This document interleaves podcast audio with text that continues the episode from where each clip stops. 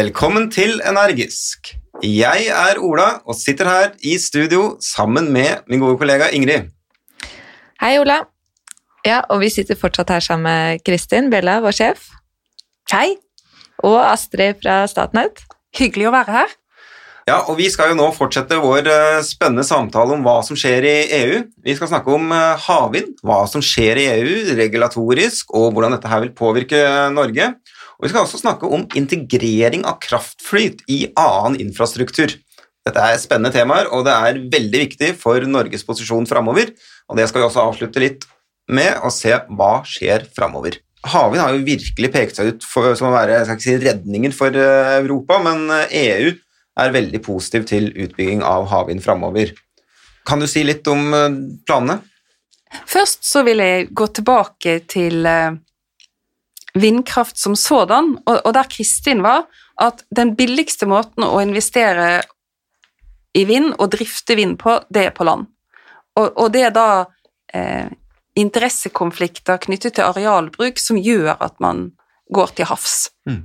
Eh, og da eh, enten eh, med hav, land, sånn bunnfast vind eller eh, flytende vind.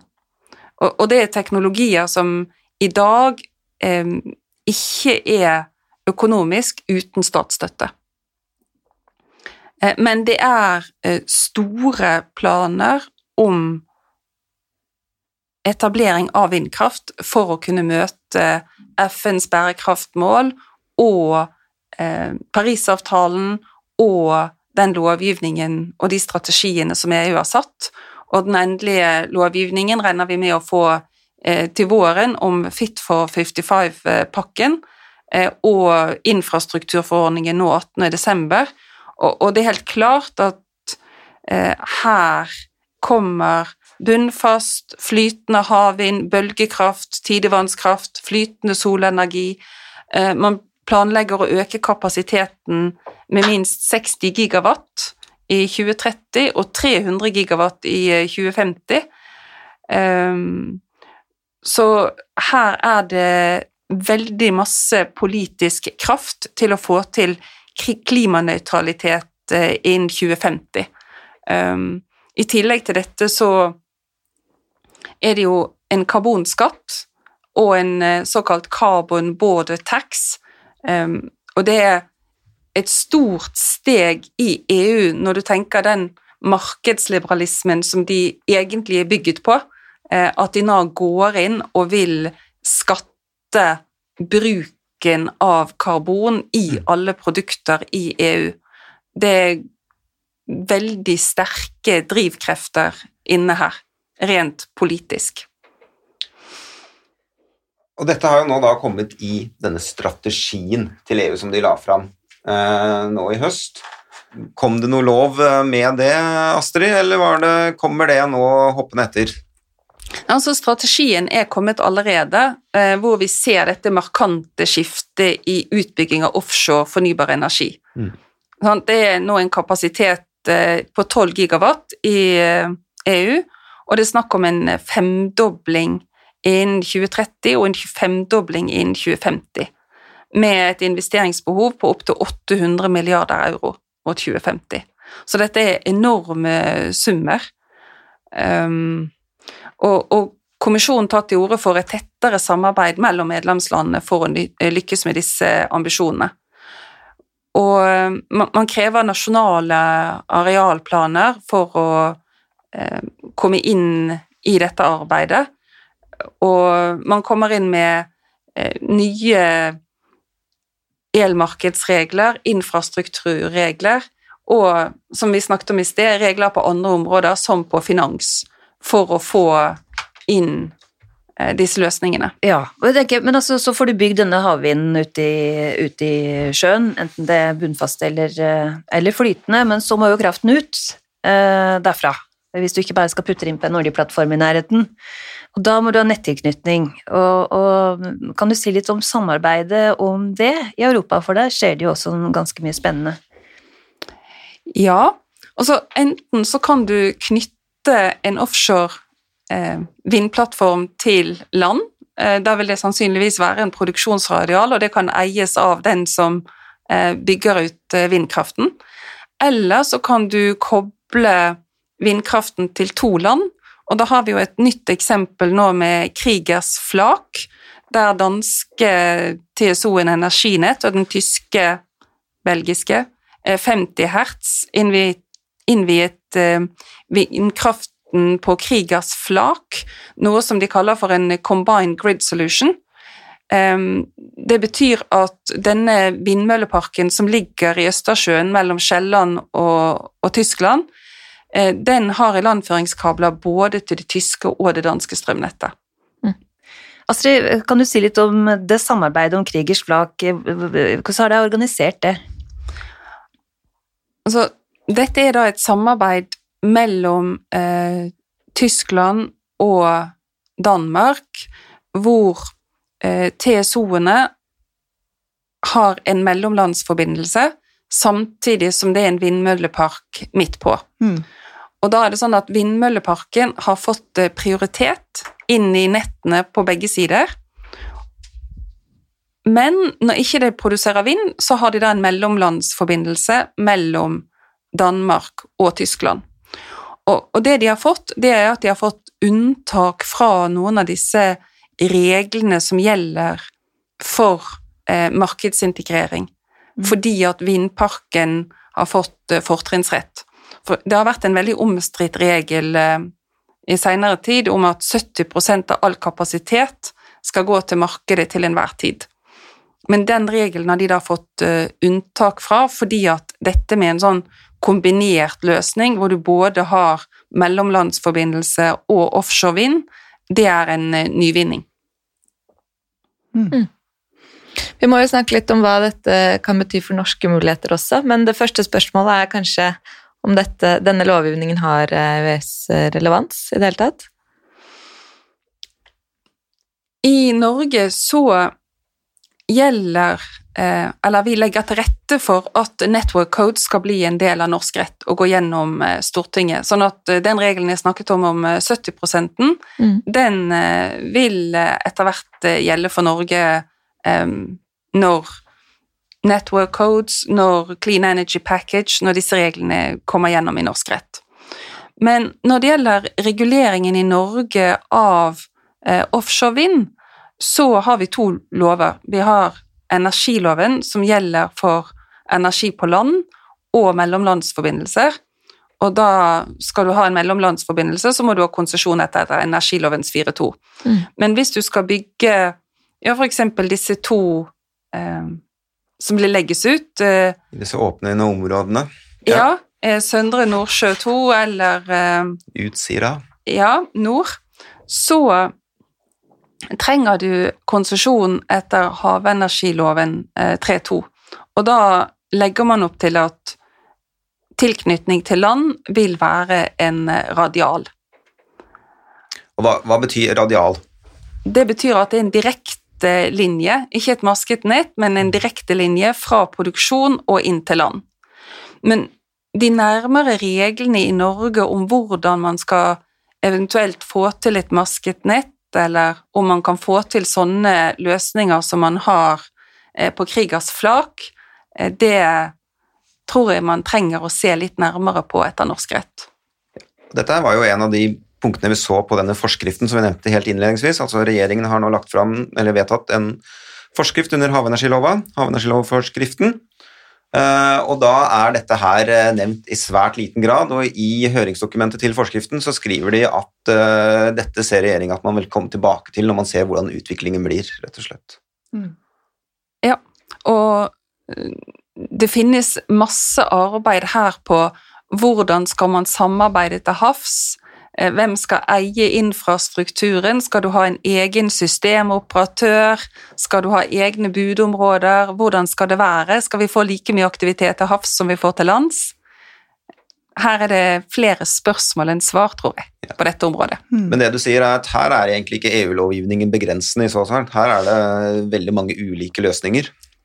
Det var nettopp en dame som eh, disputerte til juridisk doktorgrad i Nederland, og hun foreslo at man skulle inngå flere traktater, og det går jo på EU-lovgivningens virkeområde og begrensninger i lovgivningen på kontinentalsokkelen. Mm.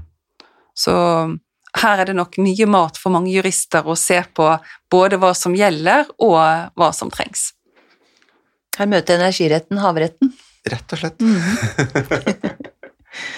kan norske selskaper få ut EU-midler for å bygge offshore vind? Hvis vi ser på det som har skjedd tidligere, så har norske aktører som har fått eh, avtaler med aktører fra EU-land, de har klart å få ut eh, EU-midler og støtteordninger.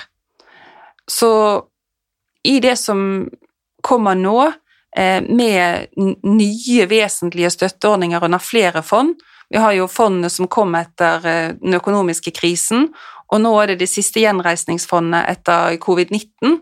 Så ligger det mange både støtteordninger og investeringsløsninger, og her tror jeg det er viktig å gå inn i de ulike alternativene og se og hvis ikke de har endra policy fremover, så tror jeg at ved samarbeid med parter lokalisert i EU, så skulle det være muligheter. Og en av de tingene som du ser i disse nye gjenreisningsfondene, det er at man har veldig sterk driver for å få karbonnøytralitet, og da vet man at det ikke er alle land som har like store muligheter til å etablere vind, og i hvert fall ikke ha vind, og da kan man få relokalisert eh, effektene til sitt eget land. Så her finnes det veldig mange muligheter for den som går inn og ser på reglene, på støttereglene. Så her bør eh, norske selskaper eh, kjenne sin besøkelsestid, rett og slett. Um, nå har vi snakka om uh, kraftflyt, uh, balansemarkeder, uh, havvind. men EU jobber jo også med da, integrering av denne kraftflyten i annen infrastruktur. Hva, hva er egentlig det, Astrid? I strategien for systemintegrering som kom i juli nå i sommer, så krever de integrert planlegging mellom ulike sektorer, f.eks. havvind, CCS og hydrogen. Eh, og igjen, da, så er det for å få til optimal reduksjon av energiforbruket, redusert forbruk, kostnadseffektivitet, innovasjon og òg eh, forebygge konflikter om eh, arealbruk og motstridende interesser i utnytting av eh, areal. Hvordan påvirker dette Norge? Kanskje når vi får den lovede energimeldingen som kommer til våren, så har vi større klarhet i hvordan Norge vil forholde seg til dette. Mm. Dette er jo en strategi, og en strategi som vil materialiseres i eh, lovgivning. Mm. Dette har vært uh, veldig interessant, uh, Astrid. Uh, nå ga du oss lite snakka litt kanskje hva som skjer fremover. vi liker jo å be våre gjester om å se i krystallkula og spørre om de kan spå. hva tror du vil skje fremover? vil Norge henge med på utviklingen? Hva tenker Statnett? nå skal ikke du representere Statnett. Men Nei, her så har jeg jo representert meg sjøl um, og den juridiske jobben jeg gjør. Mm. Um, men i Statnett så sier vi jo at fremtiden er elektrisk. Uh, våre planer viser at forbruket i Norge vil øke, uh, og at det er behov for å møte da, elektrifiseringen og forbruksveksten med både økt infrastruktur og økt produksjon på all type investering i næringen så er det lange ledetider, så disse behovene de må adresseres. Så jeg ser jo da at på den ene side så er det et stort engasjement for industribygging. Du ser særlig de som har vært i offshorenæringen. De eh, engasjerer seg for å gjøre seg attraktive og konkurransedyktige i verdiskapingen i fornybarnæringen. Eh, så det blir veldig spennende å se da, i dette veldig politiske temaet hva som kommer i energimeldingen til våren. Jeg har merket meg at eh, det er frist nå til 10. desember med å komme med innspill til meldingen. Mm. Men selv om vi da ser dette voldsomme engasjementet og at fremtiden er elektrisk, fremtiden er usikker, Så ser jeg også noen røster som jeg tenker er litt eh, kritiske. Um, jeg skal har, være litt kritisk. jeg har eh, sett Bertelev Bertel Ev Konov på eh, juridisk fakultet på Universitetet i Bergen som eh, forsker på investeringer og finans og bærekraft. Og hun sier eh, Norge har eh, blant Europas beste vindkraftressurser. Vi har teknisk kompetanse etter 50 år med oljenæring. Hvorfor nøler Norge? Mm. Og så har vi eh, en annen eh, på juridisk fakultet i Bergen, eh, Ignacio Herrera Angustegi. Han spør om havenergiloven er en tapt mulighet, og det er i forbindelse med at han mener at den legger ikke tilstrekkelig opp til konkurranse. Så det, og i lys av at kraftprisen er ekstremt lav, så kan man jo stille seg spørsmålet er den lav i år eh, fordi vi har et våtår. Vi vet jo at produksjonen kan fluktuere med opptil 40 Eh, Er det våtår kombinert med covid-19-konsekvensene, eller er det en omlegging som gjør at eh, bransjen må være forberedt på lavere kraftpriser i tiden fremover?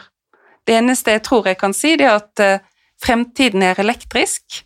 Den er svært spennende. Eh, den er også usikker, også for oss jurister.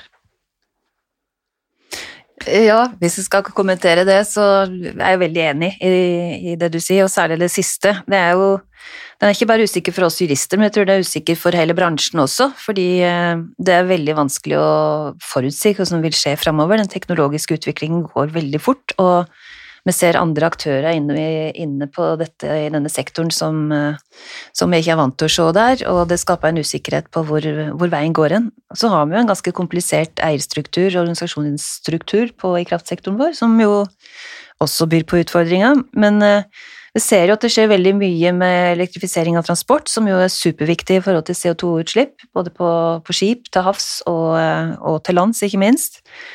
Eh, og så ser vi en omlegging av forbruket vårt som skaper mye større effektbehov enn enn før, eh, og veldig store utfordringer fremover, og det kommer bare til å øke. Eh, og det skaper større press på nettet enn vi har hatt før. Så jeg tror egentlig at det mest Det har vært veldig mye fokus på nye produksjonskilder og sånt nå, men jeg tror egentlig kraftnettet er kanskje det som står overfor størst utfordringer fremover, i hvert fall i Norge.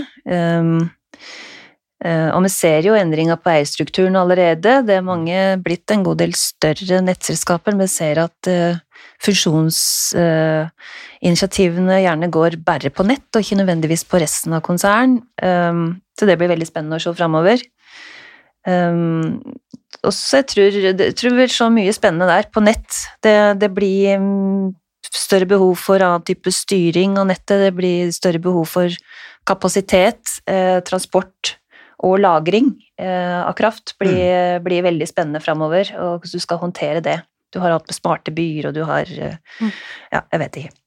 Det skjer utrolig mye, og, og det regulative henger jo etter, det må vi jo si. Og det tror jeg gjør helt bevisst, egentlig. At eh, jeg tror egentlig lovgiver òg sitter litt stille og ikke håper at det skal gå over akkurat, men i hvert fall ser litt an hvor veien går, før en prøver å komme, komme etter med regelverket. Ja, nei, jeg tok jo til orde her eh, tidligere i en episode at det kanskje kan være greit at man har, ikke er eh, for tidlig ute med å prøve å regulere noe man ikke helt vet hva er, men at man rett og slett ser an teknologien og da markedet. Ser Mm. hva som kanskje blir de beste løsningene uten å ja, prøve å regulere det for hardt. Da. Det er viktig å tenke seg om, men det er forskjell på å tenke seg om å være langmodig. Ja. Og for de i industrien som har klare ønsker og mål, så er det jo viktig nå da å møte fristen den 10. desember Mm. og gi innspill. Jeg så de skulle være på maks to sider til den energimeldingen som da skal handle om både energi og offshore Ja. eh. Mm. Jeg tror det blir eh, kjempeviktig å få gode rammevilkår, og at vi benytter den muligheten som er for eh, det norske kraftsystemet. Tusen takk for at dere ville komme her, eh, både Astrid og Kristin. Eh, sesong to av Energisk er tilbake etter jul. Men uten meg, dessverre. Ja, du eh, stikker av, rett og slett, Kristin. Nei, eh, Ingrid. Nei, jeg skal bli her. Du, du skal bli her. Takk for det, Kristin. Du er, eh, jeg blir såpass nervøs nå når det blir endringer i mannskapet. Du skal ha permisjon, eh, Ingrid. Eh, Men jeg får med meg en annen kollega fra avdelingen. Så du som har abonnert på oss i høst, eller du som har lyttet på oss i høst, må huske å abonnere, slik at du blir da varslet om første episode i sesong to. Og har dere som er lyttere forslag til tema, eventuelt forslag til gjester, eventuelt ønsker å komme selv i studio, så er det bare å ta kontakt med oss på hjort.no slash energisk. Tusen takk for meg, for nå i alle fall. Det har vært veldig gøy og lærerikt å spille inn eh, energisk. Eh, Jeg kommer til å savne både Hjort og eh, disse innspillingene med deg, Ola. Så ser jeg frem til å høre på sesong to, og ønsker også å benytte anledningen til å ønske alle våre lyttere riktig god jul. God jul og et riktig godt nyttår. God jul! God jul! Du har hørt Energisk, en jusspodkast fra Hjort. Som ledende på prosedyre dekker Hjort alle sentrale rettsområder med fokus på forretningsjuridisk rådgivning og tvistløsning. Vi har et bredt team som bistår alle typer prosjekter innenfor energisektoren. Klikk deg inn på hjort.no slash energisk og les om våre dyktige advokater og aktuelle temaer.